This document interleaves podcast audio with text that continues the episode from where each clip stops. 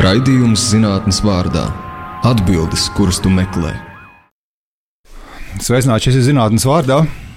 Un, uh, es esmu Ivars Austers, un šodien, šovakar mums ciemos ir Jānis Lungevičs no Rīgas Tehniskās Universitātes. Un, uh, domājot par to, kas šovakar varētu atnākt ciemos. Es parunāju vairākiem cilvēkiem no Tehniskās universitātes, un neatkarīgi viens no otra man teica, Jānis Lungovičs dara ritīgi interesantas lietas. Un uh, es pieteikšu, ka Jānis Lung Lungovičs ir uh, meteoroloģijas laboratorijas pētnieks, un meteoroloģijas laboratorija ir mašīnzinība, transporta un aeronautikas fakultātē. Vispār grūti izrunāt pat tādu vārdu. Ja? Sveiks, Jānis! Vakar! Klau, es uzreiz prasīšu, kas tā meteoroloģija tāda ir, vai ne? Jo pirmo reizi tā padzirdot šo vārdu, tā viegli pauz galam, var sajaukt ar meteoroloģiju. Varbūt muļķīgs joks, droši vien, ka nav pirmo reizi kaut kas tāds dzirdēts. Jā, jūs patiesībā pats atrisinājāt lielāko dilemmu, ko cilvēki jauc vienmēr to ar meteoroloģiju. Bet atšķirība ir tāda, ka meteoroloģija ir zinātne par mērījumu veikšanu. Mm. Un šeit mēs varam mērīt jebko sākot no masas, attāluma tur kaut kādiem elektriskajiem parametriem, dažna, dažādas lietas. Bet principā tas ir par precīzu mērīšanu, mērījumu veikšanu. Kad tas viss sākās vēsturiski, tas ir līdz seniem grieķiem vai vēl senāk?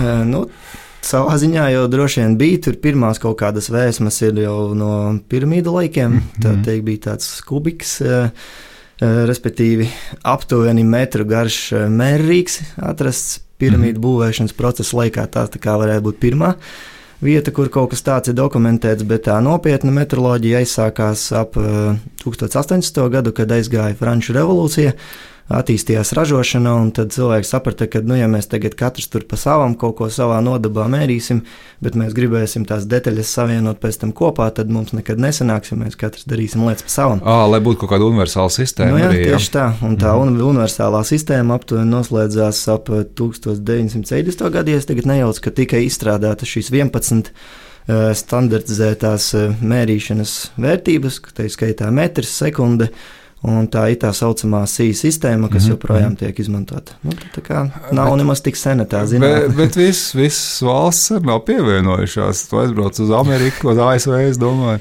tad tur ieeja veikalā nevar saprast, cik tur uh, šķidrums pudelē vai ne, vai, vai cik daudz tu benzīnu nopērts, nevar izreikināt, nevar pārreikināt. Nu, nerunāsim maz par colu vītni, laikam, kas arī vēl tiek lietot ir tā, nu jā, nu tas ir vairāk savā ziņā tāds, nu, nezinu, ego jautājums. Savā ziņā, kādēļ viņi pamatā pieturās, bet realitāte ir tāda, ka, kad aiziet tā kā, tiešām tādi patiesi nopietni meteoroloģijas jautājumi, arī amerikāņi un visas pārējās valsts, kurām nav šīs pilnīgi visas šīs sistēmas vienības ieviestas, viņi tāpat izmanto šīs sistēmas vienības, lai tomēr būtu šī tā saucamā unifikācija, lai mēs visi strādājam pēc uh, vienas receptes. Bet vēl ir arī telefona ekrāna diagonāli vai ne. Ka var caurlās, nezinu, kāpēc mēru vai ne. Un, un televizors tas, tas ir. Varbūt tur kaut kas ar patentu jautājumu saistīts. Nezinu, neizpētīs, ja godīgi jā, tik smalki, jā, bet eh, jā. es domāju, ka tur savā ziņā vairāk tas ir tāds eh, ego jautājums, ko vienkārši lielās nācijas mīl, tā teikt, eh, savu tā teikt, vēsturi negrib aizmirst un uh, vienkārši pieturās pie viņas. Jā, un pa jūsu laboratoriju saka, ka tā ir, nu, iespējams, Baltijā vislabāk aprīkotā. Uh, Tā ir, ir sanācis, jā. jā. Tur, principā, tas ir nu, manā skatījumā veiksmīgs stāsts. Reāli par tādām iekārtām mēs tur sapņojām jau gadiem, bet tas viss bija tāds utopisks sapnis, jo tas viss atdarās par finansējumu. Kas tās ir par iekārtām? Tās iekārtas ir tieši iekārtas, kas ir orientētas uz izmēru mērīšanu. Tātad, jā, šai metroloģijai, kā jau minēju, mēs varam svērt, mēs varam mhm, mērīt mm -hmm. kaut kādus garumus, elektriskus parametrus un ko. Tieši šajā laboratorijā, ko vadu es, Mēs fokusējamies tieši uz izmēru mērīšanu, mm -hmm. tā saucamā dimensiālā metroloģija, kas ar dimensijām saistīts. Nu, lūk, tur mums ir uh, daži dažādi rīki, sākot ar ļoti elementāru bīdmēru, kas ir principā visiem ražotājiem, kas kaut ko taisa daudz maz precīzi. Un... Tagad, tas, tas bija mans jautājums, ko es turēju prātā? Es gribēju prasīt, kas jums ir? Kaut kas ārpus bīdmēra, vai ne? Bīdmērs jā. ir katram kārtīgam amatniekam, vai ne? Nu jā, tad, tad, tas ir tā teikt, nu, pirmais solis. Tātad pēc mm. bīdmēra seko mikrometrs, kas jau ir mēra mikronus, respektīvi mikrometrs, milimetru tūkstošo daļu. Mm. Un, lai iztēlotos cilvēks, kas ir milimetra tūkstošā daļa, tad tas ir principā paņemam cilvēka matu, sadalām vēl simts daļās, Oh, nu, nu tad jā. mums ir uh, mikrons. Mm -hmm. nu, lūk, eh, tas ir otrais solīts, bet tas viss vēl arī ir sīkums. Jo principā tālāk mums ir uh, koordināšu mērīšanas mašīnas, kas var jau trīs dimensijās mērīt ļoti telpiski sarežģītus objektus, arī ar trīs mikrometru izšķirtspēju. Mums ir kontūru mērītāji, kas ar tādu kā adatiņu vienkārši mehāniski pāršļūts pāri mērāmajam objektam un vienkārši uzzīmē datorā, nu, principā tāda virtuāla replika šai geometrijai. Tu tur ir kaut kāds paralēls ar 3D skenēšanu. Patiesībā, jā, tikai šajā gadījumā tā ir 2D skenēšana, jo, teiksim, konkrētā tā mūsu iekārta nav aprīkota ar to Y-kas Mhm. galdiņu, bet pēc būtības, jā, viņi nedaudz modificējot, mēs varētu vienkārši šādus saucamos profilus skenēt paralēlus simtiem kaut vai tūkstošiem un salipināt kopā trīsdimensionālu bildi. Aha, Nu, un šajā bildē tad attiecīgi var meklēt visas eh, geometrijas, kas nepieciešams. Vai tas ir diametrs kaut kādam urbumam, vai tas ir uh, kaut kāda perpendikularitāte starp kaut kādām virsmām, paralelitāte starp šīm virsmām, vienkārši attālums starp punktu A un punktu B. Un viss, kas principā interesē, tas ir pēc tam noskaidrojums no šiem datiem. Man, man šķiet, ka vispār jau tā mērīšanas lieta ir nu, tāda, tā, tā, kad tu saproti, tad tev šķiet, kā tur varēja nesaprast. Jā, bet uh, daudz, daudz lietas man šķiet ir tādas intuitīvi, lēni pielecošas. Nu, kaut vai, kaut vai tilpumu vispār saprast, jā, tas ir uh, nu, cilvēka attīstībā. Bērni jau līdz kaut kādiem 10, 11, 12 gadiem viņiem nav priekšstats par tilpumu kārtīgi. Un, Iespējams, ka kādam vispār nav nekad jā, ne? nu, labi. Tiem, kas skolā negrib mācīties. Bet uh, tu, tur ir, man šķiet, liela tā asprātības dimensija. Jā, nu, teiksim, izdomāt bīdmēru. Viņš ir nenormāli asprātīgs. Ja? Uh, Kā, kā tas notiek? Tur droši vien arī visā šajā mērīšanas instrumentārija jomā ir kaut kādi kritiskie brīži, ne, kad kaut kas pēkšņi sāk attīstīties. Kā tur ir? Jā, no attīstība ir uh, nemitīga. Šeit gan tā attīstība principā iziet vairāk uz to, ko ļauj sasniegt modernāki materiāli, teiksim, mm. jo, kas ir ļoti tāda būtiska problēma. Kad uh, nu, apstākļi apkārt ietekmē šo mērījumu, vai mums temperatūra ir gana precīza vai gana mm. stabila, vai mitrums ir pareizais, vai tur nevibrē galds, vai tev nevibrē rokas, un visādi tādi faktori ietekmē šo visu lietu. Bet, jebkurā gadījumā, normālam, tādam kārtīgam metrologam, jo sevišķi tādam, kas teiksim, strādā ne tikai ar tur, standardizētiem kaut kādiem etaloniem, kas ir vienkārši taisnība stūrīši, aplīšie, nu, vienkārši geometrijas, bet kas strādā ar tiešām telpiskām detaļām. Viņam vajag nu, ļoti spēcīgu telpisko domāšanu, un tas ir tas, kas man ir laimīgā kārtā bijis jau no bērnības. Ļoti labi var iztēloties savā galvā, kāds objekts izskatīsies, ka viņu pagriezīs un ko. Un līdz ar to man ir daudz vieglāk teiksim, izdomāt to procedūru, kā es varēšu šo detaļu nomērīt. Jo es saprotu, tu nevari tā, tu ieliec vai ne kaut kādā 3D kamerā, vai nenoliec priekšmetu un vienkārši palaid dators to visu. Nu, diemžēl tik, tik, tik jā, lieli burbuļu rīki nav. Ir jau arī šie, šie laskenējošie visādi rīki. Bet nu, viņiem tā precizitāte arī nav, nav tā augstākā. Visiem teiksim, šķiet, ka lāzeris ir absolūti visprecīzākais, bet teiksim, bieži vien šīs tā saucamās tausta metodes gana precīzi izstrādātas, pat var šo lāzeri pārspēt tādēļ faktora, kad lāzerim atkal tā virsma ir ļoti svarīga. Vai viņa būs spīdīga, vai viņa būs matēta, vai viņa būs raupja, vai viņa būs ar kaut kādu tekstūriņu. Tas viss ietekmēs rezultātu. Vienmēr jau mērījumiem ir kaut kādas kļūdas. Kas, kas, kā, kādas kļūdas robežās jūs strādājat? Nu, tas ir atkarīgs no pielietojuma detaļai. Principā šī kļūda tiek saukta par toleranci bieži vien, vai tā kā pielaidi. Teiksim, nu, lūk, ja tas ir kaut kāds mazsvarīgāks objekts, tad tas var būt pat plus-mínus milimetra desmitā daļa vai pat milimetrs citreiz ir gana. Bet nu, tas viss pasākums var aiziet līdz absurdam, kad jau mums ir teiksim, plus-mínus mikrometrs. Šis mm -hmm. desmitā daļa no cilvēka mata jau citreiz ir jau, uj, jau katastrofāli. Labi, nu, ne, neliek plus-mínus vienu mikrometru. Tas tiešām ir tehniski ārkārtīgi grūti uzražot kaut ko tādu.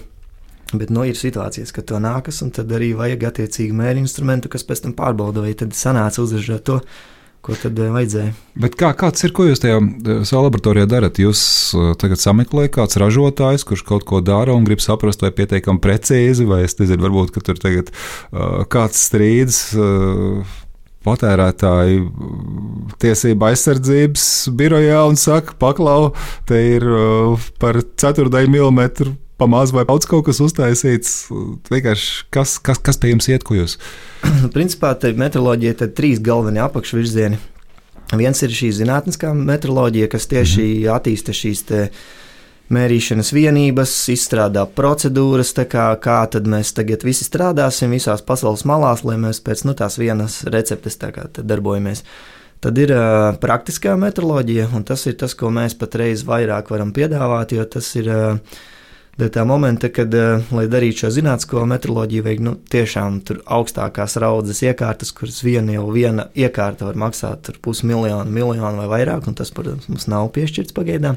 Bet jūs varat par vienu mērījumu paprasīt arī pēc nu, 700 tūkstošus. Jā, bet ja būtu kāds, kas to var samaksāt, tad es labprāt, jā, nekāda mm. problēma, bet tas viss ir. Uh, nu jā, nauda diktē noteikumus, e, un, un, un nevar šos te latiņu celt pārāk augstu, jo pretējā gadījumā vienkārši cilvēki izvēlēsies vienkārši vispār varbūt nemērīt vai rast kaut kādu vienkāršāku risinājumu.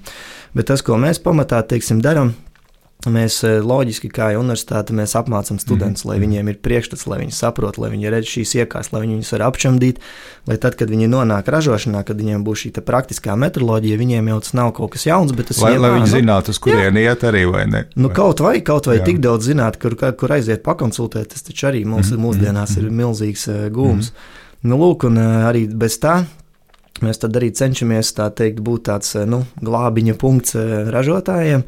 Eh, kuriem ir teiksim, tāda kaut kāda kritiska ātra vajadzība, kad viņiem ir nepieciešams noskaidrot šīs dimensijas, un vēlams, ka viņi to mm. dara pie kāda, kas nav cits ražotājs, vai, tas, nu, tā, vai tā ir universitāte, jo tam tomēr ir pamats uzskatīt, ka tas rezultāts būs eh, nu, apdomāts, un tas nebūs tā, ka viens cilvēks nospieda pogu un vienkārši dabūja kaut kādu ciparu un neiedziļinoties būtībā viņam iedeva. Nu, lūk, un tad mēs šādus tātad maza apjoma, tādus līguma darbus saucamos veicam šajā laboratorijā uzņēmumiem, pārbaudam to, kas viņiem mm. nepieciešams, un, un, un tas, ko mēs pagaidām mums šajā semestrī bija mazāk studentu plūsma, mēs varējām ļoti operatīvi to izdarīt, un tas bija tas, kas ražotājiem, manuprāt, ļoti patika, ka tieši tas ātrums bija tā, nu, atslēgas mm -hmm. vārds, kad mēs tā kā mums ir bijuši gadījumi, jā, tur Otradienas tur eh, septiņos vakarā man bez mazais zvans, un tā kā, hei, mums rīt vajag deviņos no rīta rezultātu, un es tāds, wow, ok, labi, bet nu, mēs tad jā, ierodamies ātrāk un, un, un cenšamies un, un izdarām to darbiņu, un nu, normāli ražotājs būtu parādījis viņam durvis jā, tam cilvēkam, kas viņam zvana septiņos vakarā, un droši vien pateicis paldies. Bet nu, mēs bijām ieinteresēti pamēģināt un pārbaudīt pašu mm -hmm. sevi, jo tas jau tas tāds maziņš. Nu, tā teikt, kas challenge. ir dīvainākais priekšmets, kas jums bijis jāizmēra?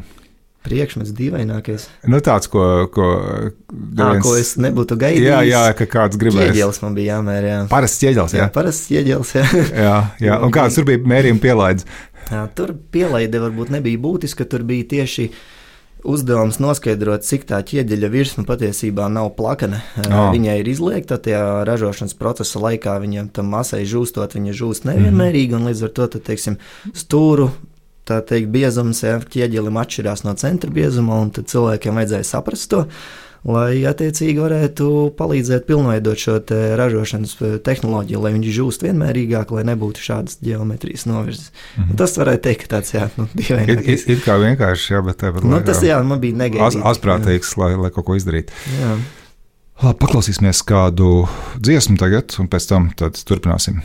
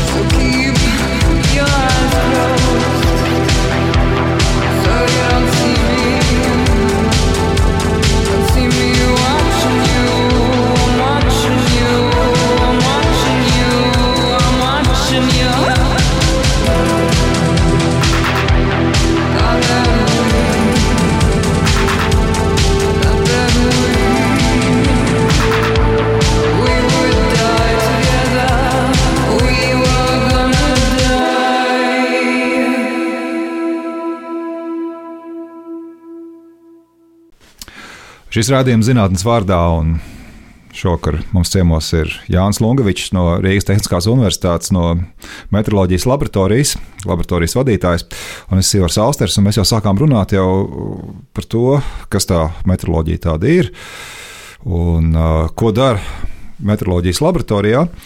Es tādu paprasīšu Jānu Klau, bet kā var kļūt par uh, meteorologu? Jā, man šķiet, ka nav nevienā Latvijas augstskolā tāda studiju programma meteoroloģijā. Es neesmu dzirdējis. Jums ir taisnība, jā, nav patreiz. Bet eh, nu, to visu mēs gribētu kaut kā labot. Jo patiesībā šis meteoroloģijas jautājums varētu teikt, ka nu, uzņem tādas otros apgriezienus, eh, un, un, un, un tā vajadzība pēc tādiem nedaudz, bet eh, dažiem pietiekami kvalitatīviem meteorologiem būtu. Un doma, kad varētu atgriezt atkal augstskolas apritē, tieši doktorantūras līmenī, šādu oh. programmu mm. kā meteorologs. Jo šeit tas cilvēkam būtu jābūt universālākam, viņam nevajadzētu aprobežoties tikai ar šo izmēru mērīšanu, vai tikai kaut kādu elektrisku spriegu mērīšanu. Viņam vispārīgi būtu jābūt tādam gan universālam cilvēkam izprast visus tos procesus, kā ko nomērīt, kas to ietekmē, -hmm. kā no tā tikt vaļā un tam līdzīgi. Tas, principā, ir diezgan eh, fiziķa patiesībā darbiņš, jo tur ir tiešām dziļi jāsaprot fizika, materiāla mācība un tādas lietas. Pat kā, reiz, kā es pats kļuvu par meteorologu? Ko es saku? es sevi patiesībā vēl nedrīkstētu tā pilnvērtīgi par meteorologu arī traktēt manā nu, skatījumā. Labi, labi, bet es uz to pamazām virzos, un tas ir vienkārši jā, dažādas apmācības. Man šis uzņēmums, kas eh, piešķīris šīs iekārtas, eh, veids regulāri man kursus dažādas, teiksim, man jābrauc uz Roclavu vai uz Vāciju mhm. mācīties. Mm -hmm. Un tur es tādas iemaņas gūstu. Protams, praktiski paši lasām, praktiski strādājam, darbojamies, vācam informāciju, un tādā veidā mēs lēnām to savu kompetenci ceļam. Bet kā ar izglītību? Ar izglītību. Nu, man ir izglītība, ir. Es esmu tagad arī pēdējā kursa doktorants, bet mm -hmm. uh, programma ir uh, ražošanas tehnoloģija, kas savā ziņā sasaucās ar šo tematiku, bet mans pētījuma virziens ir nu, jā, galīgi citādāks. Es pētu to, kā dažādas sirsmas slīd pa ledu. Bet, nu, nu, Spriežot pēc tā, ko jūs stāstījāt, vai ne, kādu uzdevumu jums dažreiz ir laboratorijā, tur jau varētu būt arī kaut kāda saistība. Ir, ir, jā, šanāk šeit. Kā, kā slīd pa virsmu? Tas var vajag pastāstīt. Tas jā, nu, patiesībā īstenībā bija tā, ka eh, visa mana tā zinātnes darbība iesākās jau diezgan ātri, kad bakalaurantūrā mācījos programmu, kas saucās mehatronika, kas ir tāds tā kā elektroniķe, mehāniķe un programmētāja apvienojums vienā jā. personāžā. Man bija labas akadēmiskās atzīmes, un es pretendēju uz palielināto stipendiju, bet viņu nekad nedabūju, jo man nebija zinātniskās aktivitātes ārpus oh. studiju procesa. Tad uh, institūta direktors vienkārši man noķēra gaitenī, burtiski tā kā. Un, tā stipendija gribi? Jā, tā arī bija. Viņš saka, stipendiju skatos, ka gribi stipendiju, bet tā nav zinātnes, nu mēs te varam piedāvāt zinātni. Nu, viņš tad tā kā viņam ideja pārbaudīt uh, dažus uh, pārklājumus, kas tika izstrādāti viena projekta ietvaros, kā tad viņi varētu slīdēt mm. pa mhm. ledu, un varbūt tas ir pielietojams kamaniņu braucējiem. Un tā tā viss ideja sākās, un es principā trešajā bakalaura kursā sāku tapināt to slīpo plakni, uz kuras mēs mēram šo paraudziņu slīdēšanas ātrumu, līdzīgi kāds būtu vienkārši pat rāsika, kāds brauc lejā. Uh, Nu, viss, bet, bet vienkārši arī uh, jums ir kaut kāds ledus, kā, jā, pa kuru vai. Jā, vai? jā tagad, jā, nu, iesākumā tas bija vienkārši pa metālu. Mēs pārbaudījām to ideju, vai tas vispār strādā. Strādāja. Mm -hmm. Tad mēs tālāk uh, uzbūvējām, vienkārši neuzbūvējām, bet nopirkām leduskapi, burtiski tā kā. Jā, kurā nu, saldēto, jā, jā saldēto paceļamo vāku. Tur bija tad, nu, maziņa metra mm -hmm. gara trasīte, tur kaut kādi pirmie pilota eksperimenti notika. Mm -hmm. Tad radās iespēja Maģistrantūras laikā radās jā, valsts pētījuma programmas finansējums, kas ļāva šo pētījumu virzienu attīstīt tālāk. Nu, tad uzrādījās jau trīsmetrīga slīpā plakne, jau, oh, kura stāvēja. Tur jau, tur jau kārtīgs leduskapis. Jā, tur bija klimata simulācijas kamera, kur mēs varējām ar šo te temperatūru normāli, daudz maz stabilu turēt mm. un, un, un variēt. Nu, un tad tālāk šis projekts eskalējās uh, Eiropas Reģionālā attīstības fonda projektā, kurš gan principā drīz arī beigsies. Bet nu, šeit ir eh, vēl pilnveidota šī slīpā plakne, vēl ir labāk attīstīts visas metodikas, tehnoloģijas un viss. Nu, tad jau tagad, pēc nieka, nu, astoņu gadu gaidīšanas un darba, kaut kādi pirmie, daudz maz loģiskie, tādi reāli dati sāk laikam izskatās, ka līst ārā vismaz mm -hmm. laboratorijas mērogā.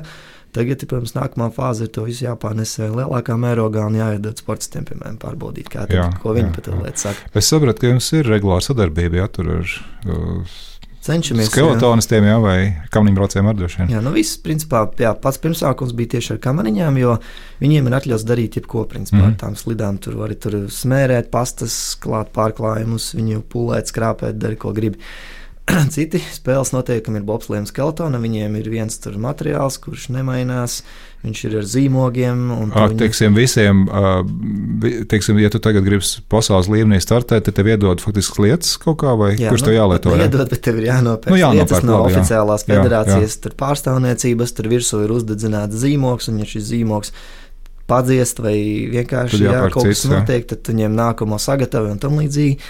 Un ir ļoti limitētas lietas, ko drīkst darīt pēc šiem mm -hmm. noteikumiem, un tas attiecīgi vienkārši sasien rokas. Bet, uh, no otras puses, atbrīvo fantāziju varbūt arī. Nu, Tā ir, jā, jo, jo vairāk ir kaut kādi šķēršļi, jo vairāk meklē visādas mm -hmm. nu, risinājumus, kā šo šķēršļu apiet.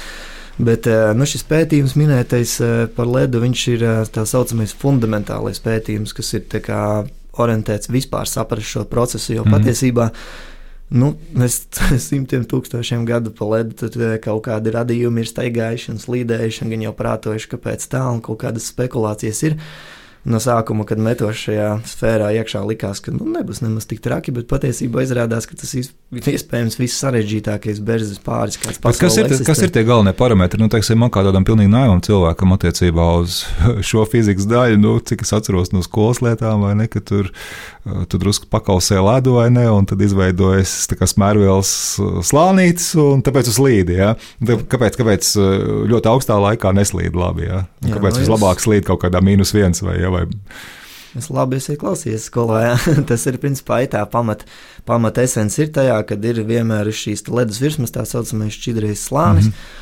Un uh, atkarībā no tā, cik viņš būs biezs, tad jā, vai nu slīdēs vai neslīdēs. Nu, lūk, Un tad, nu, principā, ir jārod tādas virsmas apstrādes, kaut kādas tehnoloģijas, un metodes un risinājumi, kas ļauj pirmām kārtām efektīvāk kausēt šo ledu, un tad vēl būtu droši vien pozitīvi, ka šis te jau izkausētais šķidrums tiek pavilkts nu, līdzi. līdz. Viņš, viņš jā, nepaliek jā. tur kaut kur, uh -huh. bet viņš tā, tā kā brauc, brauc Saks, tam līdzi. Sakrāja kārtīgi tādu nu. Jā, bet kas pa daudz, tas pa skādi atkal. Mm -hmm. Ja, teiksim, ja es esmu droši vien varbūt jutis to, kad mašīna iebraucam peļķē un mašīna sabremzējās, un šeit tas pats tikai miniatūras mērogā notiek arī šeit, un tas ledus ir mīksts, un viņš mainās tik ļoti, un tas visu tā pasākumu tik ārkārtīgi sarežģīti dara. Jo, Nu, tu nevari vienādi mm. ledus virsmu dabūt praktiski nekad. Mēs teiksim, tagad uh, tuvākais tam, ko mēs esam realizējuši, ir mums ir veiksmīga sadarbība ar vienu Austrijas izpētes laboratoriju uzsākta. Nu pat, nu pat es atgriezos no tieši šīs Dornbirnas pilsētas, un mēs veicām testus un šeit. Uh, lai tā teikt, maksimāli simulētu pēc iespējas vienādāku ledu. Mums tur tiek izmantots destilēts ūdens, vienmēr mm -hmm. konkrēts daudzums ar pincetīti tur iepilināts, un viss tur ir it kā identiski, bet tāpat temperatūra nedaudz peld, mitrums nedaudz peld, un tādā gadījumā viss tas tomēr vairāk vai mazāk pamainās un paliek ļoti sarežģīts. Tāpēc ļoti bieži daudzi vienkārši, kas šajā lauciņā bija padarbojušies, viņi saprot, ja tam nav kaut kāds finansējuma vēl trūkums, tā tēma ir tik sarežģīta, ka vienkārši eh, mhm, pāriet uz mhm, kaut ko citu, mhm. jo tās pielietojums varbūt nav tik plašs, bet es tagad sāku arī patiesībā domāt kad viņš ir nedaudz plašāks, kā man pašam likās kādreiz. Jo viens ir lokēji, jā, sports, ir jā. forši un tā, bet nu, cik ir tādi profesionāli atlēti, kas slīdāti pa ledu? Nu, cik ir, Latvijā ir doši jā, nu, 20? Jā. nu, jā, bet uh, cits jautājums ir, mēs varam, protams, atcerēties, ka hokeja spēlē cilvēki, slēpj cilvēki. Tas jau ir krietni lielāks sporta tieši tā kā personāžs. Īstenībā skaits. jau tas, ka mēs skatāmies televīzijā, piemēram, kalnu slēpošanu, tie jau šķiet, ka pa sniegs slēpo, īstenībā viņi pa ledu brauc. Nu, tur ir atkarībā, jā, cik ir, cik ir uh, liela jā, mīnus, cik tā trase ir pieejama. Viņi jau salē ar ūdeni savādāk, jau Arī, tur nu, trīs nobraukt, un ceturtam jau tur jau būtu jau. Jā, putriņi vien. Jā. Nu jā, tā kā. Nu, ir tas viens jautājums, tā teikt, ir šis sports. Un to mēs tā ir tāda, tāda nu, patriotiska lieta, tāda, mm. ko mhm. mēs vienkārši darām, un mēs ļoti daudz ko patiesībā darām brīvprātīgi, algu nesaņemot. Jā. Jo tas vienkārši tas ir tāds man kā zinātniekam, tas liekas kā pienākums palīdzēt viņiem, ja man ir tāda iespēja, kāpēc gan nē. Plus es pats esmu sporta fans un ģimene ir ļoti kā, sportiski bijusi visu laiku. Un arī tēvs sporta meistars ir bijis tā, ka nu, tur tas ir asinīs man tā teikt. Un tā mana esence liek man palīdzēt un sēdēt tur ekstra stundiņas pa velti vienkārši, mm -hmm. lai tā lieta iet priekšā. Bet mums taču ir arī avio pasaule un kosmoss, un visi mēs tagad gribam lidot uz mēnesi. Jums fakultātes kur... nosaukumā ir aeronautika. Jā, nu, jā nu, to nedrīkst aizmirst. Un arī dzens tagad tieši lidojot no šīs Austrijas apakaļ, jaunajā Boeingā Air Baltica skatos vienkārši, ka no ārā gaisa temperatūra mīnus 60. Jā, man tāds. nu, lūk, un tas jau var nav nekāds noslēpums un nekas jauns, kad, teiksim, avio pasaulē ļoti interesē, lai neplido dažādas virsmas, jo tas aerodinamika nu, nu, tur atkal pretējais, vai ne, ir kā, kā cīnīties mainīties salātus. Jo, Jep, jo to jau droši vien katrs ir pieredzējis, ka lido ziemas laikā, tad tur gāž visādi šķidrums virsū mm. un, un, un tam līdzīgi. Nu, lūk, un tad ir arī vēl jebkuri citi materiāli, taču augstā laikā slīdot, uzvedās nedaudz citādāk. Un jau sevišķi, tie ir kaut kādi polimēra materiāli, kas paliek trausli, bieži vien nekas nav zināms par viņu tām saucamajām mm -hmm. triboloģijas vai berzes īpašībām. Jo tas ir grūti pētāms jau lauciņš, tev vajag iekārtu, kur var tur strādāt tajos mīnus grādos, un tur ā, tas ir ķēpīgi un augsti un pirksti salst. Un, mm -hmm. nu, un tā, un attiecīgi man ir, par cik mēs redzam ar šiem austriešiem, ka tā ir ļoti tāda šaura niša, kas ir ļoti svarīga niša. Mm -hmm. nu, respektīvi, šaura niša, jo maz cilvēki to pēta pasaulē.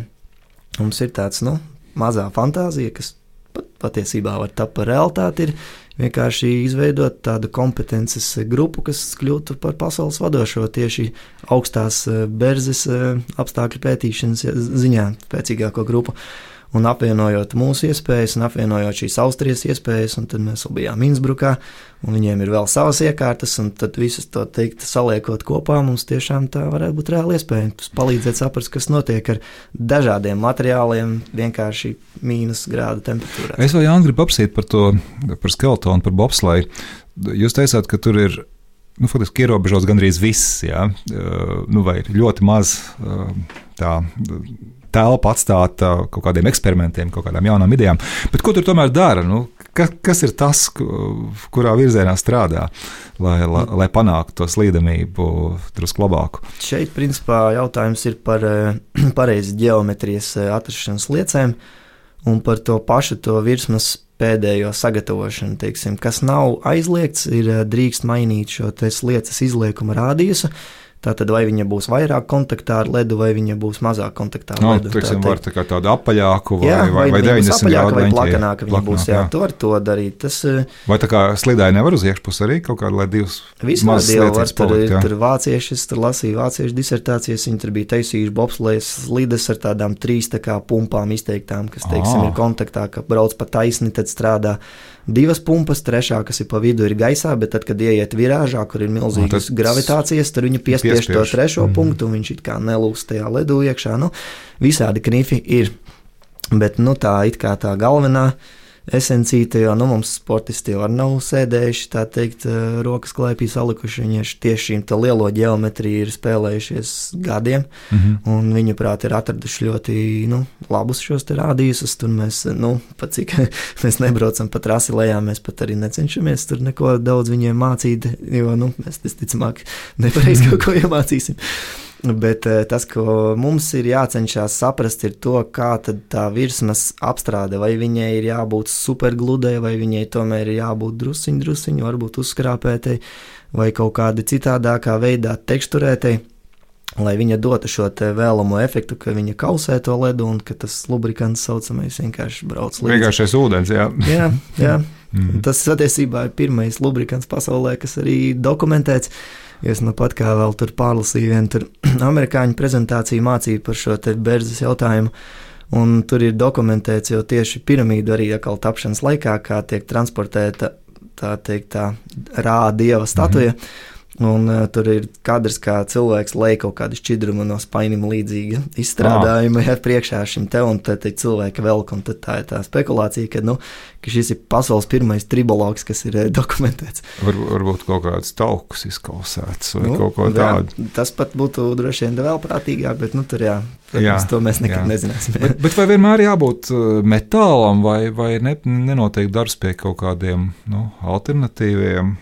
Nu, alternatīvi materiāli Ir, jā, pie tiem notiek darbs, un īstenībā mums tieši līdz sāksies darbs. Mums Mhm. laimīgā kārtā mūsu katedrai ir nu, pat kā apstiprināts zinātnīs projekts, kas tieši orientēts uz keramisku nanopārklājumu izstrādāšanu. Un šie pārklājumi ir domāti tā, lai uz tāda salīdzinoši lēta Mhm. materiāla uztaisa detaļu. Un tad šī lētā materiāla uzklāja plānu, slāni ar dārgu, bet ļoti funkcionālu materiālu. Līdz ar to mums kā šis ļoti dārgais materiāls ir vajadzīgs ļoti maz, Mhm. bet nu, ir tāds sīkums, kad ir jāatstrādā tehnoloģija, kas nav tik viegla kā šo pārklājumu dabūt virsū. Kas tur saturas tajā pārklājumā iekšā? Ir? Tur Nu, dažni dažādas lietas var būt. Tur ir tipiski kādreiz tas viss tur sākās ar kaut kādiem titāna nitrīdiem, titāna alumīnija nitrīdiem. Tie bija, nu, bieži vien tie bija kaut kādi nitrā, nitrīdi vai karbīdi, kaut kādi, kas ir tur cieti. Jo bija tā doma, ka, nu, jo tā virsma būs cietāka, jo viņā būs grūtāk saskrāpēt, un jo mazāk tas materiāls atdalīsies laika gaitā, un tā virsma kalpos ilgāk. Bet, nu, Traģēdija tāda, ka nevienmēr šis cietais risinājums strādā, jo tās virsmas var palikt trauslas. Pieņemsim, jā, viss strādā baigi labi, bet, te, teiksim, tev ir trieciens starp tām virsmām, un pēkšņi viņš vienkārši saplēsā un salūst vai sāk plākšņoties nost. Un, un, un, un tādas lietas. Tā kā ir šie te coatingi, ir. Nu, diemžēl sportā tas ir eh, nesenāks īsti, vismaz ne skeletonā, bobslijā, jo to A pirmām kārtām acīm redzami redzēt, un B, nu, mēs neesam tādi šmaukļi, kā gribētos domāt, ja mēs tomēr pieturamies pie tā, ka, ja tie noteikumi ir, tad nu, mēs viņus mēs strādājam atļautajā mm -hmm. diapazonā, jo pretējā gadījumā tas, nu, tas nav ētiski. Reizēm ziņās var lasīt un dzirdēt, ka ir dažu valstu pārstāvi, kuri taisot kaut kādas neatļautas blēdības, viltības. Ja. Uh, Nu, tādas Kas tas ir? Ko, ko, jā. ko, ko, ko tur var izdarīt? Ko tur var izdomāt tādu, ko, ko nevar atļaut? Nu, ko, Nu, viens ir- kas ļoti ietekmē šo stāstu, ko mēs patiesībā arī tikko apstiprinājām šajos Austrijas testos, eh, ka tā materiāla termovadītspēja ir ārkārtīgi nozīmīga. Teiksim, un nekas nevarētu uzlabot to slīdēšanu tik ļoti. Kā Kā jau mēs drīkstētu lietas. uzsildīt šo Nu jā, lietu, bet jā. viņiem arī mēra slieču temperatūru tieši dēļ tā momenta. Un atties, patiesībā par šo te šmaukšanos uh, bija kādreiz intervija ar vienu izbijušu vācu tā teikt, eh, mehāniķi, kas bija darbojies viņu kamaniņu komandā, viņš tad, jā, nu, pēc tam, kad jau bija metis mierā savu karjeru, viņš tad atzinās, ka, nu, jā, mums tur īstenībā sliecēs bija tur ar tālvadību vadāmi sildi elementi, mums tur nomērīja to, to temperatūru, un tad viens uzspieda podziņu, un tās lietas lēnām sāka tas- tas, silt, ja? nu, tas ir šitā, vienkārši, es nu. tieši kaut ko tādu gribēju prasīt, vai tur nav kaut kas tāds, James Bonda stilā, vai ne, ka viens savu pulkstenī piespiež podziņu vai ne, un aiziet. Nu, es nenoliedzu, ka Signāls. kaut kas tāds ir, jo teiksim, tas budžets kaut kādai Vācijai ir vienkārši nu, neaptverams mūsu smadzenēm. Jā. Tur, eh, cik es esmu salicis kopā, ko sportisti sāka, tas stāsta, teiksim, ko viņi dzird no tur Vācijas tur, eh, federācijas pārstāvjiem. Tur runa ir par miljoniem, aptuveni sešiem gadā, kas tiek veltīti Tikai tieši izpētēji šādiem ziemas sporta veidiem. Nu, mums nav ne tuvu seši miljoni, tā kā par visiem šiem astoņiem gadiem kopā bijuši, kur no katra gada. Un, un, un tas attiecīgi tad viņiem ļauj kaut vai tīri, nu, idejiski patestēt, uztaisīt šādu Jamesa Bonda lieci, kā, un varbūt kaut kādā brīdī vienkārši federācija pasaka, ah, nē, atļaujam visu, kā, un tad viņiem vienkārši jau ir kāda 30 risinājums kāpīs tā, un es nešaubos, ka tā arī ir, Mhm. jo ar tādu budžetu to reāli var izdarīt. Ja. Ja tur ir tā teikt, jāčamdās tur eh, maciņā un jādomā, ko tad dar- darīsim šo aktivitāti vai to aktivitāti, jo abas nesanāk, tad vienmēr ir tā dilemma un tad kaut kas tā zaudē. Un līdz ar to šādi, teiksim, pētījumi būtu vispār ļoti, ļoti dārgi. Tā kā, nu, tur taisīt kaut kādu mistisku tehnoloģiju, kā iestrādāt viņā iekšā kaut kādu mistisku sildu elementu, mēs pieturamies pie praktiskām Bet kā, kā ir teiksim, ātras lidošanā? Nu, hokejā droši vien ar tam ir nozīme, bet nu, tur tie, nu, ātrumam, ātrums ir svarīgs, bet nu, tur tās varbūt tās milisekundes, ko tu dabū un ā, drusku. Jā, Vēl no- labākas slīdamības varbūt nav tik nozīmīgas, bet neksim, ātras lidošanā, es domāju, tur ir ārkārtīgi Jā. nozīmīgi. Ko, ko tur dara? Nu, tur arī ir atļauti laikam pārklājumi, bet es patiesībā arī tagad, nu, pat cik mums tagad šis pārklājuma projekts aizies, uh, ir tieši ar domu jāsazināties ar uh, mūsu, tā teikt, uh, šortrakistiem, ātras lidotājiem un teikt, teikt viņiem, hei, tāda lieta notiek, jums ir tā teikt, rokas ir brīvākas, varam pamēģināt, jo, nu, jā, šī termovadītspēja varētu Tur, tur būt viens neliek iekšā kaut kādas uh, akumulatoriņas, Nē, nu, kas, tur kas iekšā uzsild pat nav slidās. īsti iekšā nekas jāliek. Ir jāpaņem īstais materiāls, kurš pats par sevi ātri silst. Viņš ātri silst. Kā, jo, ko mēs izdarījām Austrijā, mēs papētījām. otru galību mums bija iespēja, kad viens uzņēmums mums uztaisīja virsmas, kas ir piesātināts mm -hmm. ar slāpekli, tā saucamā nitridēšana tika veikta. Tā rezultātā virsma paliek super cieta un ļoti slikta vada siltuma. Un tā rezultātā vienkārši šis ledus, tā teikt, pat tam paraudziņam rīvējoties desmitiem reižu pa to vienu un to pašu ledus virsmu, viņš vienkārši nekusa. Mm -hmm. Tur viņš vienkārši mehāniski mm -hmm. skrāpēja, mums bija ok, skaidrs. Tātad eh, šis ir absolūti virziens, kurā nav jāiet. Mm -hmm. Tā kā, nu, vai respektīvi ir jāmeklē tieši pretējais variants materiāli, kuriem ir šī termodīta spēja ļoti laba. Bet, nu, protams, tas viss nav tik vienkārši. Jo tas materiāls parasti ir ļoti mīksts, un ja viņš paliek mīksts, tad viņš ātri skrāpējas, un tad atkal ir bet, problēma, bet, bet, vislabāk tas balanss. Jā, bet to kāds nav izdarījis ātrs lidotājs, ka ieliek tagad zābakos uh, kaut kādas baterijas vai ne, un, un, un mazliet pasildi, jā, no, kaut kāds jā, jā, jaudīgi, jaudīgi. bet, bet varētu būt, jā, kad uh, es nezinu, īstenībā, ja godīgi man nav zināšanas par to viņu, teiksim, kā viņiem, vai viņiem ir kaut kādas kontrols vai nē. Jo, principā, ja es būtu ātrs lidotājs ar savām zināšanām, tad es noteikti, kā man tur kāds Varbūt... ar lampiņu stāvētu blakus un sildītu līdz pēdējiem brīdim, tas lietas, nu tā, daudzāk vai mazāk. Vismaz no sākuma uzrāvienu uztaisīt. Varbūt to kaut kādu paralēlu labu uh, amatieru karjeru sportā var uztaisīt. Tas ir tāds zināšanām, vai? nu, kādreiz sportoju citīgi, jā, tad jau jā, varētu, jā. jā, jā. Paklausīsimies vēl kādu dziesmu. Thank you.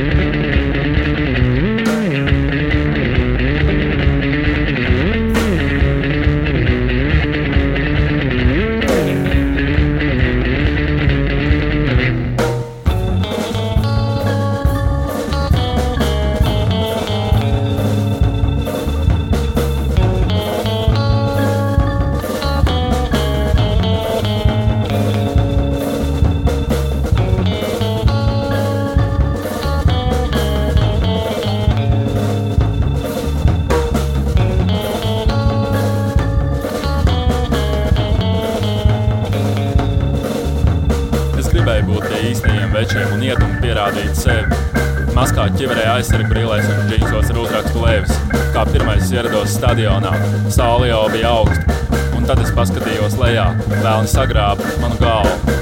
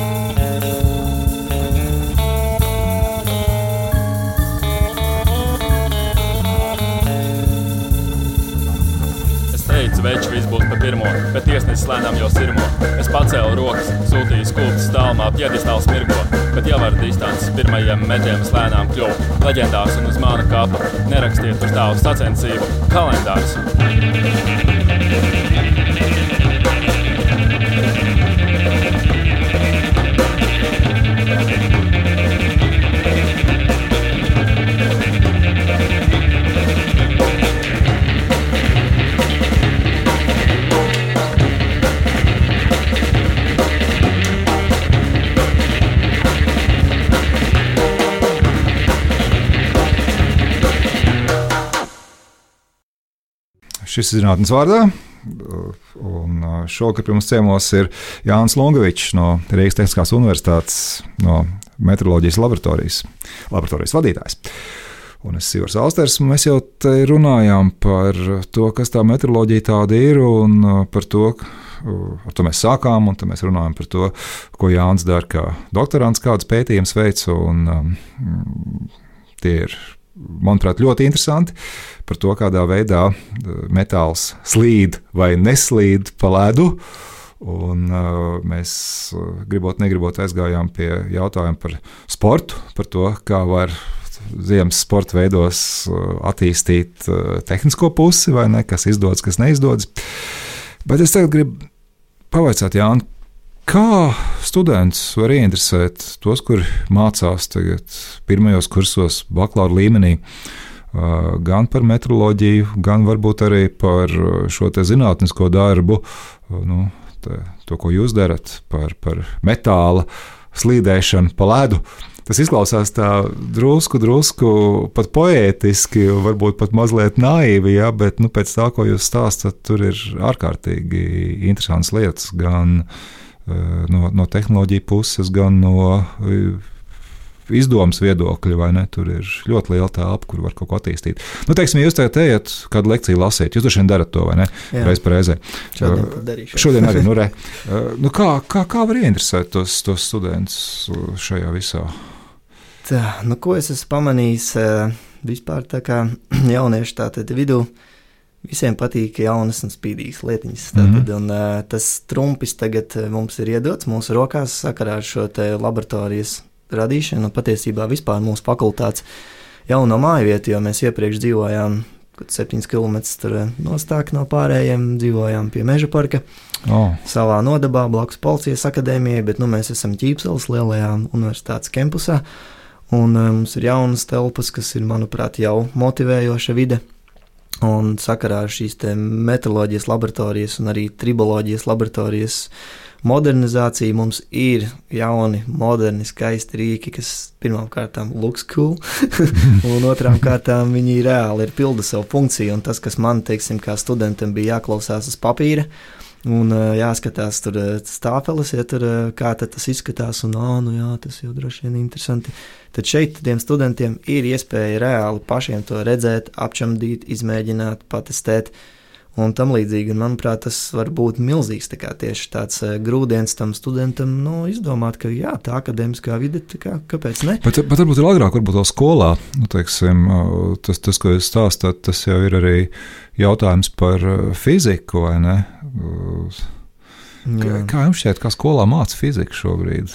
Nu, ja ir kaut kāds priekšstats par to, tas ir labs jautājums. Es sen neesmu bijis pamatskolā. nu, kaut, kā, kaut kāda intuīcija droši vien ir, kā, Bet, kā, kā tie studenti atnāk pirmajos kursos. Nu, ko kursā. es jūtu, ir, nu jā, tas zināšanu līmenis, diemžēl, tā kā liekas, ka krīt, teiksim, tā hmm. vispārīgā izpratne. Uh, nedaudz krīt. Un, manuprāt, tas ir tikai nevar būt tā, ka jaunā paudze ir eh, dumāja, dumjāka vai ko, bet viņi ir vienkārši nedaudz eh, izlutināti, jo mums ir ļoti daudz informācija pieejama, pogas spiediena attālumā. Kas ir ļoti brīnišķīgi, bet ir eh, jāsaprot to, ka cilvēkiem ir jāfiltrē tas, ko viņš lasa tajās informācijas tīklos. Un tur ir jāpatrenē smadzenes, un ir vēlams, ka tu kaut kādas pamatlietas tomēr zini no galvas. Nevis tu tagad pilnīgi katru lietu meklēs internetā un notērēs nezinu cik laiku, kamēr tas vecā kaluma cilvēks, kas vienkārši to paņēma un iemācījās, viņš vienkārši to zina, viņš uz desmit reizes izdarīs, kamēr tu meklēsi to informāciju. Bet, uh, Manuprāt, ir, jā, nu, ir jārod tās metodas, kā saintriģēt to studentiņu un skolēniņu, un tas droši vien, kad varētu būt tieši ar visādām praktiskām lietām, jo ko es jūtu, kad uh, arī tā augstskolas vide nedaudz vairāk virzās prom no tīri akadēmiskas uz vairāk praktisku. Un arī, zin, piemēram, es tajā pašā jau pieminētajā Austrijā, tā izpētes laboratorija ir blakus uh, universitātei, praktiskās ievirzes universitātei. Tas nozīmē, ka viņi nevar dabūt doktora disertāciju, mm -hmm. bet viņi mhm. var dabūt gan bakalaura, gan maģistra praktiskās ievirzes un viss ir orientēts uz praktiskām lietām. Tas, teiksim, manuprāt, tā lielākajai masai ir daudz interesantāk, daudz uh, saistošāk, daudz izprotamāk, ja viņiem kaut ko praktiski padarīt, redzēt, sajust, sataustīt, nekā rēķināt teorētiski. Jo es pats, būšu godīgs, es pats arī neesmu nekāds akadēmiķis tādā ziņā, es neesmu teorētiķis, esmu viennozīmīgi praktiķis vairāk pēc savas dabas. Un, un tāpēc esmu tādā nu, sajūsmā. Par, par, par to tās būs disertācija aizstāvēta, vai ne? Nu, jā, bet Tur kaut būs... kā tas viss ir jāpieraksta. Nu, nē, nu tik daudz jau nav tā, ka pilnīgi neko neprastu, bet uh, nu, es neesmu arī godprātīgi var teikt, neesmu nekāds uh, baigais fiziķis, kā, kas tieši tā kā to varētu ļoti precīzi teorētiski vai matemātiski aprakstīt. Tas vienkārši nav, nav, nav mans lauciņš. Es esmu norentējies uz šo praktisko pusi, un to es diezgan labi. Ka, kas ir kaut kāda vienkārša eksperimenta, ko katrs mājās var pamēģināt tajā virzienā, ko, ko jūs darat? Jā. Nu, viens var katrs, piemēram, pārbaudīt, cik precīzi viņš var nomērīt lietas sprīdi, piemēram. Aha. Ļoti elementāri. Tas būtu no meteoroloģijas, jā? Tas būtu no meteoroloģijas piemērs. Jūs varat tā kā paņemt, piemēram, tur, jā, papīra lapu, nomērīt vienreiz kaut kādu distanci ar sprīdi atzīmēt, ja? tad aizlocīt to lapu ciet, uzlikt vēl vienu sprīdi, vēl vienu, vēl vienu, vēl vienu, un pēc tam salīdzināt, cik precīzi ir tavs sprīdis. Tā kā, piemēram, Tu pēc tam ar lineālu paņemsim nomēri, ja? cik tev tur desmit reizes mērīja kaut ko ar sprīdi, tad ir izrēķināts savu vidējo sprīža garumu. Ja? Ar vispār cilvēkam acu mērs ir precīzi lietas, kaut ko šitā nāks saskarties. Nu, kā kuram, kā kuram, kā drusciņi var uzturnēt acījā. Es teiksim to pašu tur virsmas raupjumu, kas man bieži ir jāmēra. Jo tā, ka es tagad apstoties uz to virsmu, cik viņa ir spīdīga vai nē, man Teiksim, jau... veikalā, veikalā smilšpapīra pērkot, nevajag skatīties, kāds numurs vai ne. Apmēram, jā. jā. Nu, jā, bet, bet par, par berzi, laikam, tāds visvienkāršākais testiņš ir jau tas, ko Da Vinci pirms 500 gadiem jau vai vairāk realizēja, mm. kad var paņemt, uh, uzlikt kaut kādu metālu vai plasmasu vai kādu klucīti, nezinu, paņemiet televizoru pulti kaut vai pieķimerējiet viņai klāt kaut kādu striķīti. Uh, Pārlieciet striķa galu pāri galda malu vienkārši un lēnām tam striķītam mm. kaut kādu citu smagumu vajag likt, kuram zina vērtību, un vienā brīdī tā pulss sāks slīdēt. Viņa tā saucamo miera stāvokļa berzi pārvarēs un sāks kustību. Nu, un tad, zinot to, cik daudz jūs iekarinājāt tajā striķī, lai tā kustība sāktu notikt, jūs jau varat rēķināt jau tur berzes koeficientu. Jau vienkārši, nu, tas tāds triviāls variants, vai vēl vienkāršāks variants ir pat vienkārši, ja jūs novietojat kaut kādu objektu uz plakanas virsmas, kuru var sašķiept. Mm -hmm. Vienkārši lēnām ceļot, ceļot, ceļot. Vienā Kurā brīdī viņš sāk slīdēt, un Jā. ja mēs to leņķi varam kaut kā aptuveni noteikt, tad mēs varam izrēķināt tangentu no tā leņķa, un mēs zinām bērnu koeficientu. Šito es no skolas laikiem atceros. Man šitie uzdevumi padevās. Es tagad lielos, vai bet, bet es esmu aizmirsis. Jā, nāk, varbūt stāžēties. Jā, jā, es varētu, varētu kādreiz aiziet, pastāžēties uz jūsu laboratoriju. Tas būtu interesanti. Prieku izrādīšana. Kur pasaulē šīs visas lietas virzās? Ka, kas būs kaut kas, kas būs nu, ļoti svarīgs pēc gadiem, desmit? Jā? Nu, es saprotu, tie ir tādi minējumi, un visticamāk, aizies kaut kur drusku citur, jā, bet nu, tomēr no šodienas skatoties ab, ab, abās lietās, gan teiksim, mērījumos, gan arī par šiem te slīdamības bežas jautājumiem. Tad, tad pa mērījumu pasaulē ir tā, ka viena lieta, kas pat jau tikko, principā, kā notika 19. gada maijā, ja nemaldos, principā izzuda vairs etaloni kā fiziskas eh, lietas. Teiksim, ja kādreiz mums Francijā, kur ir galvenais globālais centrs, stāvēja viens klucīts, kas svēra kilogramu, un tas bija mūsu etalons, un pret viņu vienmēr salīdzināja lietas, un tur bija stienis, kas mm -hmm. bija metru garš, un tā tālāk. Un tā tālāk. Tad tas viss ir fizikāls konstants kaut kādas. Tā, kā, tā ir viena lieta, kas tā kā. Uh, vienkārši ir. teorētisks, jā. Nu, principā, jā, teorētiski tā vajadzētu būt. Bet kas tagad ir svagum, smaguma uh, uh, etalons? Par masu, ja godīgi, es tagad Masu. pat nepateikšu. Es zinu, ka metrs tagad ir. Uh, distance, ko gaisma veids oh, vienā 299 miljoni, tur something, something uh, daļā sekundes. Jā. Jā, jā. Tā tad, uh, bet uh, pa masu es, jā, es pat neesmu iedzinājies, teikt, pat cik man patiesībā ar masu. Maz darīšanas ir uh, ikdienā.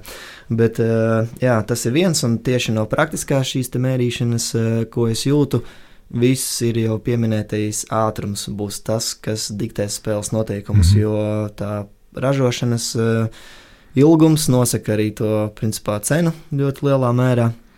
Un tad līdz ar to tiek strādāts ļoti daudz pie rīkiem, kas ar ārkārtīgi lielu ātrumu spēj ļoti precīzi mērīt dimensijas. Kā, nu, tas ir tas virziens, kur neizbēgami mm. iet šī dimensiju metodoloģija. Ne, ne, nebūs arī kaut kā tā, ka kabatā nesā līdzi un, teiksim, bīdmēru to var ielikt uh, strādnieku bikšu kabatā vai ne? Kā kaut kāds uh, mazs uh, mērījums. Lāzerīts kaut kāds varētu varbūt kaut kādā brīdī tapt, jā, gan advancēts, kur tiešām varbūt izvot tādu stienīti, jā, pārskienē apmēram savu detaļu un ievāc telpiskus datus par viņu, bet nu, tas tad, tad jau manīs. tas kā tagad daudziem, nu, labi, daudziem es zinu dažus cilvēkus, kas nesā kabatā līdzi tos uh, skābekļus. Uh, Mērītājs gaisā, nu, cik ir skābeklis, cik CO2 nu, vai ne? Un visur izmēra izvelk tā, šeit mēs nevaram atrasties. Tas nav īsti labi. Jā, tā ir vismaz lokus vaļā vai jāiet pastaigāties.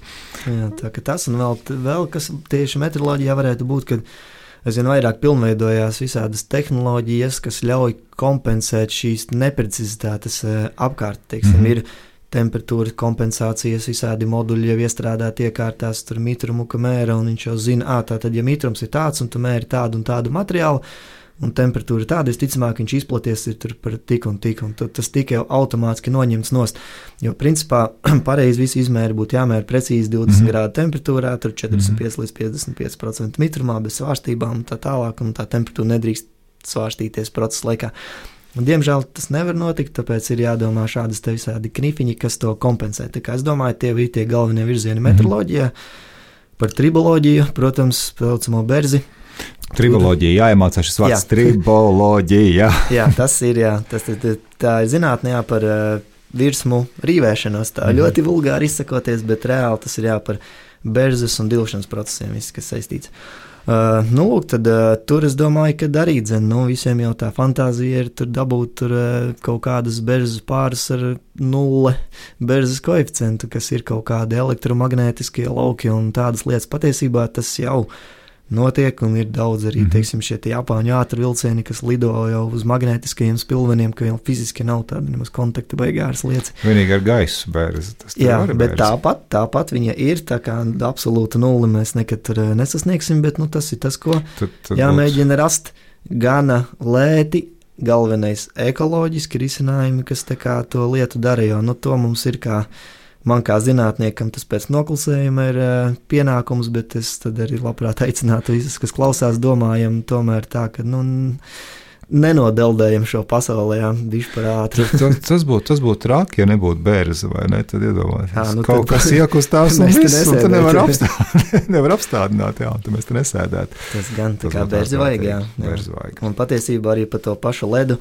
Mēs visu laiku runājām par to, kā tur uzlabot eh, lietas slīdēšanu, bet patiesībā jau tas, ko es arī visu laiku turu, acis nav svaļā, kā tieši nu, saķeri uzlabot. Jo, nu, cik daudzi brauc ar bobsleju vai skeletonu vai kamanām, bet cik daudz iet pa ielas lidenu. Nu, tā kā ir tomēr īpatsvars eh, lielāks tādu cilvēku, kas var netīšām paslīdēt un nu salauzt no, viegurnē, un tas ir diezgan bēdīgs stāsts. Nu, tas ir, eh, manuprāt, ļoti būtiski ar to lauciņu saprast, un jo vairāk mēs fundamentāli izpratīsim šo slīdēšanas mm. procesu, Jo mums lielāka iespēja, ka mēs arī varam ļoti tādus ekoloģiskus lietas materiālus atrast, kas tieši palīdz. Saprotot kaut ko par slīdēšanu, saprot arī par pienācīgu lielu bērzi. Jā, jā, jā tā jā. sanāk. Jā. Paldies, Jānis. Es vēlreiz atgādināšu, ka zinātnīs vārdā Mūsu ciemos bija Jānis Lunčs no Rīgas Tehniskās Universitātes, no meteoroloģijas laboratorijas, laboratorijas vadītājs, arī doktorants, kurš uh, pēta bērzi, jeb slīdamību, bērzes otru galu jā, dimensiju. Un mēs uh, parunājām gan par uh, industriālām lietām, gan par sportu. Paldies, Jānis! Paldies! Jums. Raidījums zinātnes vārdā - atbildes, kuras tu meklē.